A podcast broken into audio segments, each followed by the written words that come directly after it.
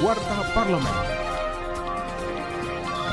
Inilah Warta Parlemen bersama saya, Edo Da Vinci Zakti.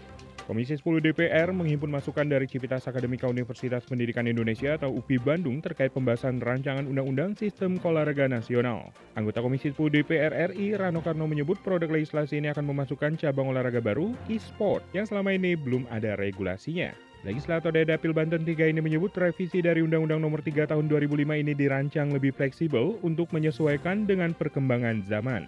Warta Parlemen. Anggota Komisi 5 DPR RI Tamanuri menyoroti program Jalan Desa pada Kementerian Desa Pembangunan Daerah Tertinggal dan Transmigrasi atau Kemendesa PDTT yang dinilai masih kurang maksimal. Kementerian Desa, kalau memang nggak ada duitnya, Pak, nggak usahlah bikin-bikin proyek. Contohnya saja, namanya Jalan Desa.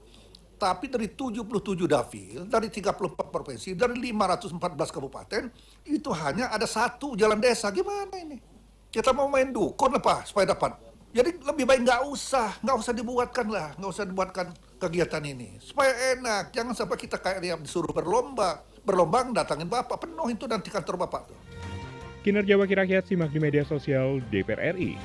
Ketersediaan dan distribusi pupuk bersubsidi menjadi perhatian Komisi 6 DPR saat melakukan kunjungan kerja spesifik ke PT Petrokimia Gresik, Provinsi Jawa Timur. Anggota Komisi 6 DPR RI Ahmad Baidowi menekankan tidak ingin mendengarkan lagi adanya keluhan kelangkaan pupuk bersubsidi dari petani. Politisi dari praksi P3 ini menjelaskan telah meminta PT Petrokimia menyelesaikan tata kelola distribusi pupuk bersubsidi supaya tidak merugikan petani. Ia menyebut akan menindaklanjuti temuan kunjungan kerja spesifik dalam rapat dengan pemerintah dan mitra kerja terkait lainnya. Televisi Radio Parlemen. Demikian Warta Parlemen, Produksi TV dan Radio Parlemen, Biro Pemberitaan Parlemen, Sekjen DPR RI.